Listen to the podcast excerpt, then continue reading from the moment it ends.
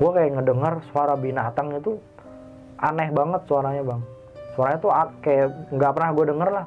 Dia ngelihat yang apa yang gue lihat bang. Lu mau ke mana? kata dia. Itu jurang. Gimana? Mau lanjut. Apa teman-teman kamu saya bawa nih. Kalau abang tetap maksa naik abang bakal celaka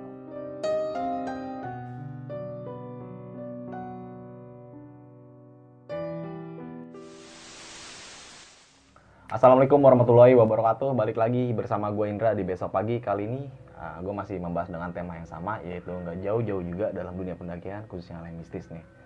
Nah, di samping gue, mungkin lu udah nggak asing, yaitu narasumber gue yang pernah menceritakan pendakiannya di Argopuro. Dan kali ini, eh, lu pernah mau bawa cerita lu di pendakian gunung di Gunung Arjuno bang Arjuno. Itu kalau gue boleh tahu via mana? gue via Purwosari via Purwosari. Buat lu mungkin yang penasaran eh, pendakian Gunung Arjuno via Purwosari ini bisa lu searching di Google. Di situ menurut gua gokil banget jalur pendakiannya karena eh, lu di situ Purwosari lu tahu sendiri kan banyak petilasan, jalur petilasan lah ya maksudnya ya. Nah, kalau gue boleh tahu nih Prim, kisi-kisi dalam pendakian lu di Arjuno itu kayak apa nih ya teman-teman biar tahu. Eh, gua ada eh, sosok yang gue lihat sih bang Hmm. dia tinggi gede bukan ukuran manusia lah Pokoknya tetap masih di batas nalar kita semua lah ya.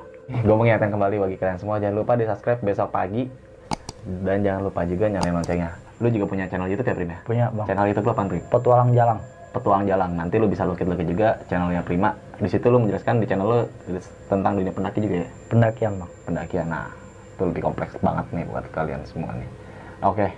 Mungkin tanpa berlama-lama dan untuk mempersingkat waktu, kita langsung aja masuk ke ceritanya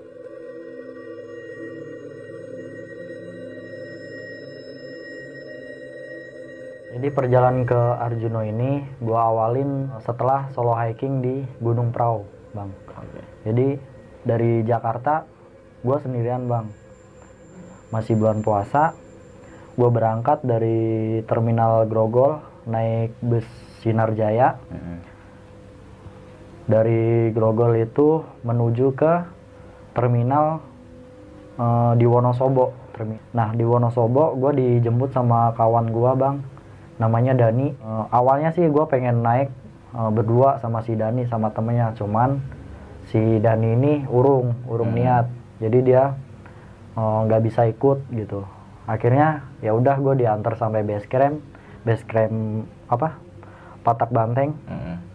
di situ eh, jam 2 gua start gua sendirian akhirnya naik solo hiking Eh, nggak ada apa-apa sih bang. Lancar-lancar aja semuanya. Turun dari perahu gua langsung menuju ke Semarang di Oke. rumah nenek gua. Heeh. di Semarang masih puasa tuh bang. Eh, silaturahmi lebaran semuanya. Pas di setelah lebaran setelah H plus 1 jadi eh, hari raya besar. Mm-mm. gua berangkat bang. Gua pamitan tuh. Pamitan sama semuanya tuh. Samping kiri kanan semuanya. Gua naik motor bang dari Semarang ini gua menuju ke Surabaya tempat kawan gua juga. Awalnya sih gua uh, mau tidur di apa mau rehat di stasiun di stasiun Gubeng. Iya. gua naruh motor jam 12 malam gua sampai stasiun kawan gua nelpon video call. Eh, gua dijemput tuh suruh tidur di rumahnya. Akhirnya gua berangkat ke rumahnya Eh, kita tidur terus pagi-pagi dia nganterin gua buat persiapin logistik. Dia yang nyiapin logistik kita belanja semua makan udah beres sarapan jam 10 gua berangkat tuh dari Surabaya ke base camp Purwosari. Eh, gua kontak kawan gua si Lukman Mm-mm. dari Lamongan. Gua kontak eh, dia OTW tuh dari Lamongan ke Purwosari Eh, jam berapa gue lupa. Pokoknya kita sampai di Purwosari itu ketemu tuh sekitar jam setengah satu siang. Kita mulai sisi maksi semuanya udah beres semuanya di dicek semuanya perlengkapan checklist checklistin udah beres simaksi kita naik tuh. Kita start pendakian itu sekitar eh, jam 2 kurang lah dari base camp. Gue naik berdua sama si Lukman terus dari dari base camp kita jalan sampai ke pos eh, akhirnya kita camp di pos 5 Mangkutoromo kalau nggak salah namanya. Sorry kalau lupa lupa ingat. Eh, itu di sepanjang perjalanan masih aman-aman aja sih bang. Cuman Hmm. pas udah sam- itu kan Purwosari itu awalnya sih Gunung Arjun ini gua nggak searching sama sekali sih bang. Kayak spontan aja gitu. Kayak Oke. nggak tanpa planning lah. Pas turun dari Arjuno gua telepon kawan gua. Terus dia mau ya udah kita jadi ke Arjuno tuh. Nggak nggak ada nggak ada planning apa istilahnya nggak nggak ada nggak ada lah ya. ah, nggak observasi sama sekali dan gua nggak pernah tahu Purwosari itu kayak gimana jalurnya. Dan pas ke sono oh, gua shock lah gua. Ternyata itu jalur kayak apa sakral lah bisa dibilang. Sampai pos 5 itu jam 5 sore. Mm-mm. jam 5 sore gue buka tenda. Bukan tenda juga sih bang. Lebih tepatnya bivak. Gue Hmm. pakai flysheet gitu kan. Gue bikin bivak. Kita masak eh, kita ngobrol-ngobrol sharing tentang pendakian di Raung. Si Lukman ini kan kawan gue gue ketemu di Raung waktu itu. Kita flashback kita ini kita masak-masak makan akhirnya istirahat lah kita. Istirahat jam jam 8 lah. Mulai tidur.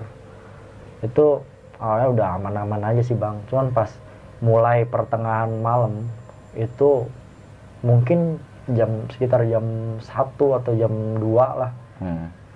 gua mimpi bang. Jadi di mimpi gue itu ada sosok tuh dia tinggi. Tingginya tuh bukan kayak manusia sih. Itu tinggi banget lah tinggi dan gede pakai jubah. Jadi jubahnya itu kayak ke depan banget gitu lah sampai mukanya tuh nggak kelihatan. Mm-mm. dan dia cuma jubah aja cuman ngebentuk bahwa itu manusia gitu sampai tinggi gitu. Dan dia cuman begini begini. Terus di di di mimpi gue itu digambarin bahwa teman gue si Aan sama si Lukman itu kayak dia posisinya begini gini. Cuman begitu doang nunduk begini digantung sama dia pakai tangannya. Cuman digantung ini doang. Seakan-akan tuh dia kayak gini kayak kayak mau ngasih pesan tuh gimana? Mau lanjut? Apa teman-teman kamu saya bawa nih? Gitu. Cuman gue di situ kayak di di situ gue kayak yang gue nggak bisa ngapa-ngapain lah kayak gue diem gitu. Cuman gue nggak mau gitu. Mereka tuh temen gue gue sayang sama temen gue bang terus gue tetep tuh gue tetep enggak enggak pokoknya. Jangan jangan dibawa gitu kan.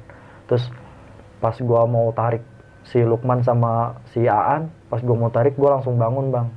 Gua bangun. Pas gua bangun gua ngelihat si Lukman masih tidur kan masih ada. Gua cek masih aman. Ya udah gua lega di situ. Terus akhirnya gua inisiatif buat keluar tenda lah. Gua Hmm. pengen di situ kan perut gua juga nggak enak gua pengen kencing juga kan. Aku keluar dari bivak. Dari bivak gua menuju ke arah. Jadi di pos 5 itu dia kayak mau kayak candi gitulah kayak Hmm. candi-candi gitu. Kayak bangunan tua gitu. Terus di sampingnya itu ada gubuk bang. Ada kayak gubuk. Di situ di dalam kayaknya ada kuncen kayak kuncen gitu deh. Kakek-kakek sama oh, orang yang masih muda lah dia di situ sampingnya itu kayak ada kamar mandi apa toilet lah Hmm. istilahnya kayak toilet toilet gitulah. Gue pengen ke toilet tuh bang pengen kencing. Gue pakai headlamp. Pas gue jalan itu kan gelap bang gelap banget. Pas gue jalan center center gue ngeliat sosok itu bang yang ada di mimpi gue cuman pada waktu itu gue nggak langsung kabur bang. Jadi gue mikirnya ah mungkin gue halu lah halu kali baru Hmm. bangun tidur kan gue deketin tuh bang. Gue deketin rasa penasaran gue semakin jadi tuh. Gue deketin deketin deketin. Pas udah mau deket gue ditarik bang sama orang. Sama orang ditarik bang lu mau ke mana? kata dia. Itu jurang gitu. Terus gue nengok astagfirullahaladzim itu jurang dalam banget bang.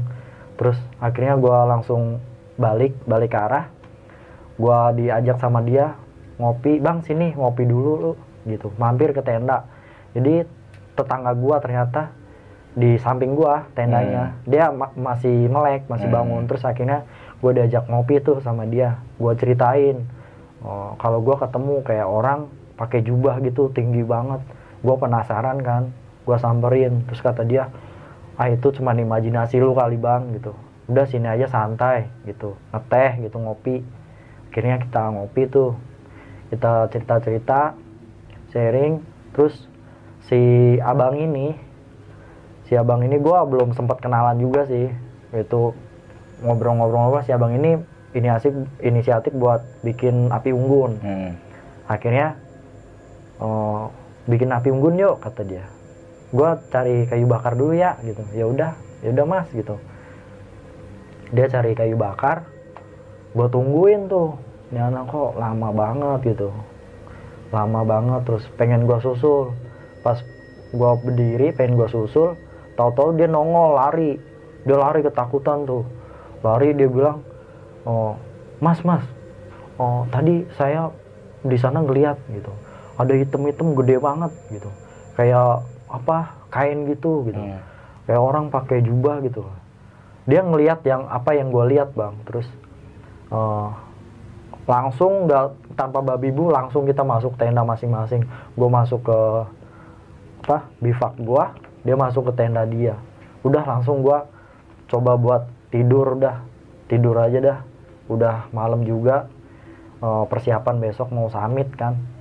Akhirnya gue istirahat. Yang pada akhirnya gue nggak bisa tidur sih. Terus udah menjelang subuh eh, kita sholat seperti biasa. Terus gue persiapan masak rombongan yang lain itu udah pada summit bang Hmm. jam subuh itu gue masih santai sama si Lukman sampai jam setengah tujuh lah. Oh, kita packing packing terus kita tinggal carrier kita bawa satu carrier yang isinya itu logistik flysheet buat keadaan darurat misal ada hujan. Terus kita summit tuh lewat di apa namanya pos 6 itu spiral.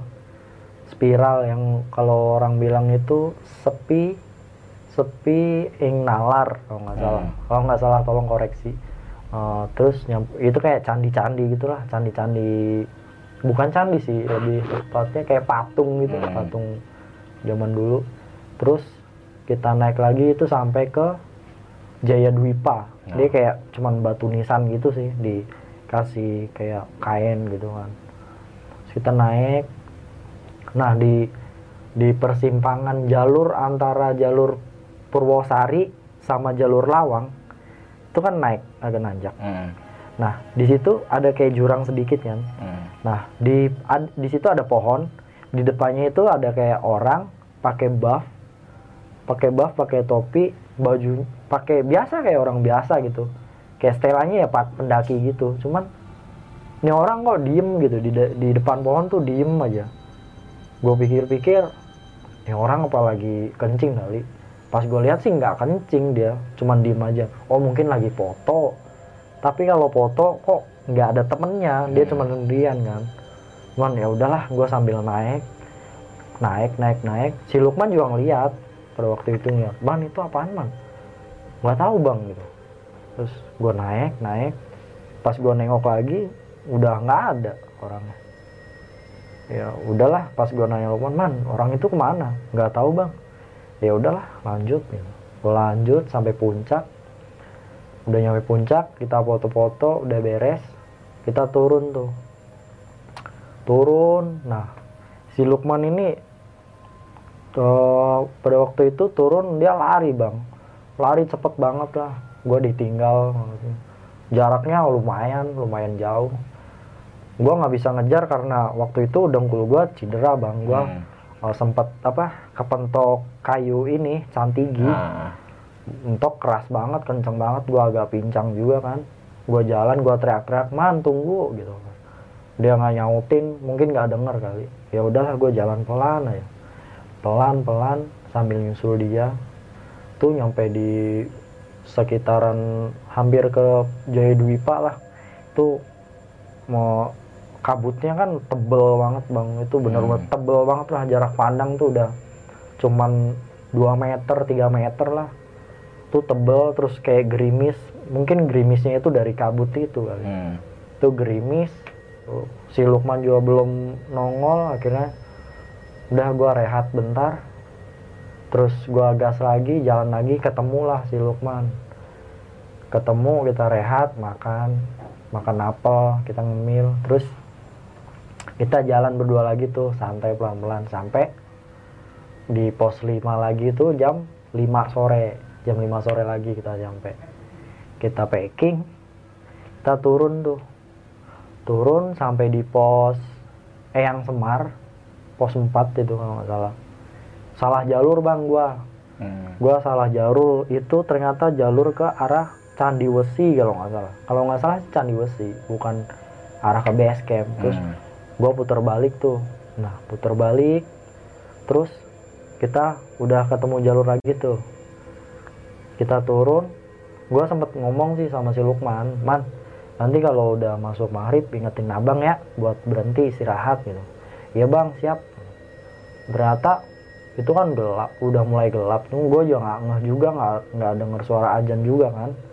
Nggak tahu kalau itu ternyata udah lewat maghrib udah jam setengah tujuan itu sebelum kayak jadi di bawahnya di bawahnya pos ti- empat sebelum pos tiga itu kayak ada gubuk lah kayak ada rumah gitu rumah Hmm. itu ada tulisan aksara Jawa pokoknya sebelum di situ di atas masih saat di atasnya itu gue kayak ngedengar suara binatang itu aneh banget suaranya bang suaranya tuh kayak nggak pernah gue denger lah Hmm. dibilang babi ya bukan babi macan ya Bang. Bu- bukan macan cuman gue nggak tahu kan si Lukman juga panik awalnya kan Lukman di depan gue di belakangnya. Dia berhenti bang suara apa itu bang? Gue bilang tenang man udah diem diem dulu gitu. Gue megang trackpole sama ngeluarin pisau. Gue yang nggak ngerti sih ngeluarin pisau buat apa. Ya mungkin naluri naluri gue jaga-jaga aja lah Hmm. gitu. Terus gue lewat eh, pelan-pelan santai.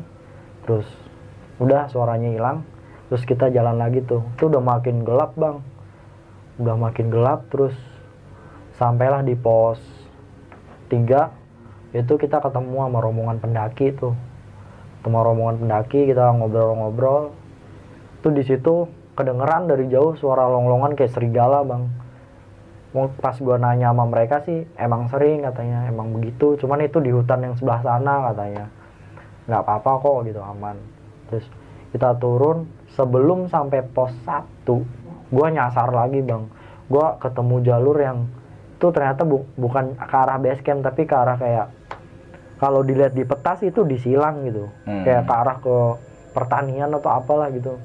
Gue udah jauh banget akhirnya gue berhenti dulu ngisi tenaga terus akhirnya gue naik lagi terus turun lagi ke base camp nah udah sampai base camp jam 8 malam Eh, kita beres-beres bersih-bersih makan terus gua kontak kawan gua yang ada di sidoarjo. Gue minta ini apa nginep lah di Hmm. rumahnya. Dia kasih rumah tuh dibersihin sama dia. Akhirnya gua sama Lukman nginep di situ. Terus paginya gue balik ke Semarang. Nah gue ngecek ngecek HP nih bang. Hmm. biasalah kalau habis ngedaki kan ngeliat-liat foto Nah. video. Pas gue lihat video ada satu video kan waktu sampai di mau nyampe base camp itu kan Hmm. ngelewatin kayak kebun kopi gitulah Hmm. itu jalanan udah aspal sih cuman udah rusak gitu gua sendirian kan itu sendirian banget lah nggak ada yang lewat gua ngerekam video tuh gini ngetek video sambil sambil naik motor Iya, iya. videoin gini kan videoin pas gua lihat harusnya kan namanya orang naik motor rekam video di HP itu kan harusnya suara angin dong kayak Hmm. gitu kan cuman ini bukan suara angin kayak suara kayak suara apa ya? Kayak oh gitu. Kayak suaranya kayak gitu. Gede banget suaranya kayak ngebas gitu. Terus kayak ada suara burung gagak juga. Kak kak gitu kan.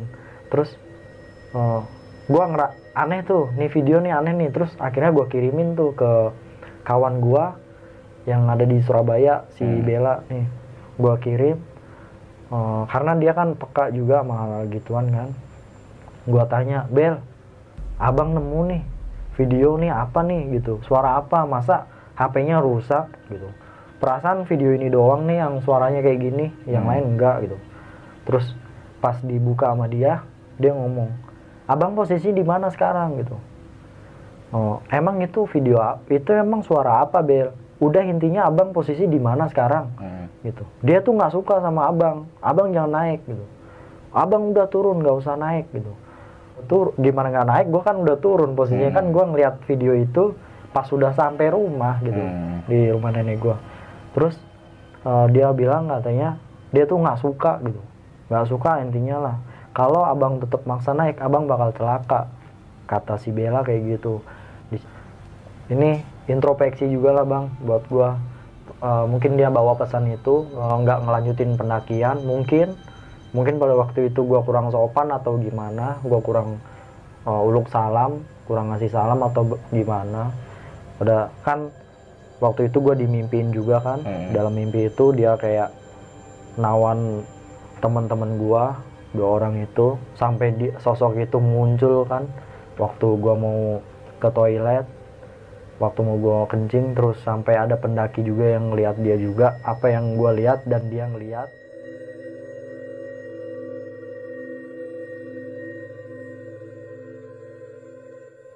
Oke, mungkin tadi eh, cerita pendakian lo saat di Gunung Arjuno via Purwosari. Nah, di sini gue pengen ulas balik nih Prim tentang pendakian lo nih. Dari awal pendakian lo ke Arjuno ini kan lo sempat solo hiking dulu kan ke perahu ya. iya Itu langsung bablas aja lo langsung naik ke Eh, iya pulang dari perahu langsung naik ke Arjuno. Eh, kita silaturahmi dulu bang Nah, di Semarang terus baru kita berangkat eh, ke Arjuno ini lo berapa orang? gua dua orang doang Bang. Dua orang doang ya? iya Dan gak ada rombongan lain, cuma lu doang tuh? Eh, rombongan lain ada ah, berapa rombongan ya sekitar mungkin empat lah empat rombongan Empat rombongan ya. Ini bagi kalian yang penasaran sama jalur Arjuno via Purwosari nanti bisa lu searching di Google. Di situ emang jalur Purwosari bisa gue katakan ada jalur petilasan ya. Hmm, banyak banget Setiap pos itu ada kayak lupa dupa segala macem lah. Buat orang kayak nyari pesugihan situlah. Hmm. Pokoknya jalur via Purwosari Gunung Arjuno nanti bisa lu searching. Nah, eh, Prim kita lanjut ke cerita nih. Ah, di sini lu mengalami kejadian-kejadian yang di mana ah, di mimpi lu lu ditemuin sama salah satu sosok tinggi besar hitam pakai jubah hitam ya. Hmm. Gue kayak ngebayangin kalau itu adalah salah satu eh, kalau kayak di film-film kayak malaikat pencabut nyawa. Iya. Iya kan ya? itu kayak kayak assassin gitu sih bang Iya, kayak iya. jubahnya tuh kayak pembunuh banget gitu Ah. Iya. Di tapi nggak nampakin muka bang Iya, karena tutup-tutup iya jubah itu kan. tutup semua Dan di sini di mimpi lu teman lu tuh di tangannya dia digantungin itu ya. cuman diginin doang dan dia teman gua ngelayang bang posisinya ngelayang Duanya itu dalam keadaan Ah, tertidur. ah, ah. Anjir. Saat lu melihat teman lu yang kayak tadi lu bilang pesannya kalau dia pengen membawa teman lu ini hal yang pertama lu lakuin tadi lu pengen narik teman lu itu. gua pengen narik banget cuman gua kan dikasih visual yang kayak gitu kan Ah. Di dalam mimpi gua gua visual kayak gitu otomatis gua kayak nggak terima dong bang Ah. itu kan sahabat gua gitu Ah. Sa- si Aan yang dari awal udah nyiapin perbekalan gua terus si Lukman yang nemenin gua naik Hmm. gua pengen gimana caranya nyelamatin mereka kan di dalam mimpi itu malah pas gua tarik gua kebangun tuh Nah, dan lu ditampakin kembali sosok itu saat pas gua mau kencing bang mau kencing ya. Heeh. Nah, itu sosoknya sama, tinggi besar sama gitu. bang tinggi tinggi cuman pakai jubah warna hitam dia kayak kayak hordeng gitulah warna Hmm. hitam ngejuntai gitulah tinggi banget Dia ngebelakangin lu apa? dia di de- di depan tapi nggak kelihatan nggak mukanya ya. nggak ada dia cuman begini nih kerudungnya tuh nyampe ke muka Di sini lu sempat disadari sama beberapa rombongan pendaki lain lah ya. satu orang Satu bang orang ya? Heeh. dia ngeliat gua Ngeliat lu yang padahal kalau misalkan lu lanjutin terus, lu bakal terjun ke jurang nih. jurang bebas Nah, lu sempat bercerita juga karena masih pendaki itu kan, Hmm. sama rombongan lain. Hmm. Dan respon dari pendaki itu kayaknya kayak menanggapin kayak biasa aja ya. Eh, dia nganggep gua ini halu Halu. Heeh, Padahal lu benar-benar kayak ngerasain lu melihat sosok itu ya. real Nah, si pendaki ini apa ngerasain diganggu juga, Brip? Eh, dia justru dia ngeliat juga pas dia mau nyari kayu bakar Sosok itu sama. Heeh. kan Hmm. dia lari terus dia ngomong kan cerita ke gua gua ngeliat gitu ada orang tinggi banget warna hitam gitu pakai pokoknya kain lah gitu bajunya warna hitam langsung gua lari bang kita semua lari masuk tenda masing-masing Nah, di pendakian lu di Arjuno nih, uh, yang mengalami kejadian-kejadian yang mungkin gue bisa katakan di luar batas nalar. Hmm. Lu doang yang ngalamin atau si Lukman dan ini ngalamin? juga? Justru si Lukman enggak sama sekali. Bener-bener lu yang ngalamin lu Iya. aja ya? Oh. Sempat lu sharing-sharing juga sih tentang Sama Lukman gua nggak sempet sharing sih bang. sampai sekarang? Sampai sekarang enggak. Oke nanti Lukman kalau nonton video ini bisa tahu lah ya saat pendakian lu di Arjuno bersama dia lu merasakan hal yang Hmm. sempat lu ceritain ini. Nah nih Prim, saat kejadian turun nih lu mm, lagi-lagi uh, hal ganjil terjadi sama lu nih. Hmm. Yang pertama lu ditinggal sama si Lukman itu kan. Iya. Sampai akhirnya ada kabut pekat yang jarak pandangnya kurang lebih 2 sampai 3 meter udah nggak kelihatan ya Hmm. terusnya. Lu sempat tersesat sampai dua kali nih Prim. Iya. Uh, di saat situasi tersesat lu merasakan hal apa? Panik sih ada. Hmm. Rasa panik ada. Cuman gua agak capek aja lah bang gitu. Udah pengen ke base camp, udah pengen bersih bersih. Cuman kita harus ngulang perjalanan lagi kan. Kalau namanya kita melipir jalur kan kita harus balik lagi ke jalur yang tadi, Ah. yang awal. Itu udah itu aja sih. Di saat lu tersesat nih ya, Hmm. lu ngetahuin kalau diri lu tuh emang gue salah jalur di situasi saat itu. Eh, sadar bang, sadar. Karena kan di situ kan gue sambil bawa dapat peta dari base camp juga kan. Gue ngeliat Ah, ini bu koordinat gue salah nih bukan di sini gitu. hmm. di situ di situ sadar ya udah gue balik lagi setiap disorientasi jalur gue langsung balik ke titik awal gue gitu jadi biar nggak terlalu jauh gitu Sampai pada akhirnya lu pukul mundur balik gitu ya, Hmm. dari lu jelaskan juga. Nah, dia yang kedua ini lu tersesat dan lu mau- kayak mengalami kejadian-kejadian gaib nih, hmm. Di situ kan bukan lu aja yang mendengar ya. iya Yang binatang suara binatang aneh itu ya. Ternyata Hmm. teman lu juga mendengar juga ya. Kalau gue boleh tahu suara binatangnya kayak apa sih? suaranya gue nggak ngerti deh bang itu suara apa kayak suaranya kayak ngeraung Hmm. kayak ngorok juga itu bukan babi gue pastiin itu bukan babi bukan babi bukan macan juga Keadaan lu pada saat itu panik banget tuh. oh, Sampai lu ngeluarin pisau gitu. Eh, kalau gua sih lebih ke waspada sih bang. Hmm. Cuman kalau temen gua gua nggak tahu. Cuman dari gi- eh, gestur tubuhnya, kayaknya dia sih takut. Karena kan dia di depan, Hmm. dia di depan dia berhenti nungguin gua kan. Otomatis mungkin dia mungkin dia takut karena dia nggak pernah cerita. Itu lu pukul mundur balik lagi tuh. Mm-mm. Sampai akhirnya lu eh, sampai naik di base camp lah ya. Mm. Di base camp ini itu evaluasi perjalanan pendakian lu saat di atas. Di situ sebenarnya agak shock juga sih bang ketika gua eh, melipir jalur itu kan yang salah jalur karena pas awal pendakian di sebelum eh di atas pos 1 eh, di atas pos 1 itu ketemu dua orang pendaki dia itu naik dari jam 10 pagi Oh iya. Ah. naik jam 10 pagi dia turun ah, papasan sama gua Hmm. dari jalur yang dia mas masuk dari semak-semak lah keluar dari Hmm. semak-semak ketemu gua gua tanya Ah. mas dari mana bis turun gitu dia bilang enggak mas ini saya mau naik malah loh kok lewat situ gitu nggak tahu ini saya nyasar kayaknya gitu dia bilang dari jam 10 pagi nyasar dan itu udah jam sekitar jam 3 sore loh saya kan gua kan eh, start jam 2an Hmm. itu mungkin jam 3 kali gua di atas pos 1 itu dan akhirnya dia awalnya kan gua ajak naik bareng Hmm. terus dia sempat mau tuh pas gua nengok ke belakang lagi dia udah nggak ada mungkin dia balik lagi deh kayaknya frustasi Berapa orang yang waktu lihat teman-teman kita? dua orang juga Dua sama orang juga. Heeh. Di base camp nih, ah, saat perjalanan pulang ya, Hmm. ah, lu sempat melihat kayak hasil dari dokumentasi lu nih, video. Iya. Dan di situ lu kayak merasa ada satu video yang mungkin aneh banget nih. Tadi sempat lu ceritakan juga dan lu sempat menanyakan teman lu si Bella itu ya. Hmm. Si Bella ini menjelaskan kalau lu jangan naik ya, iya karena si makhluk itu nggak suka sama lu. iya Si Bella ini juga menjelaskan, eh lu juga Bella ini kan menjelaskan kalau lu jangan naik kalau makhluk itu udah nggak suka sama lu ya. iya Tapi kan lu kondisinya udah turun, Turun, gunung ya kan. Lu sempat ngejelasin ke Bella.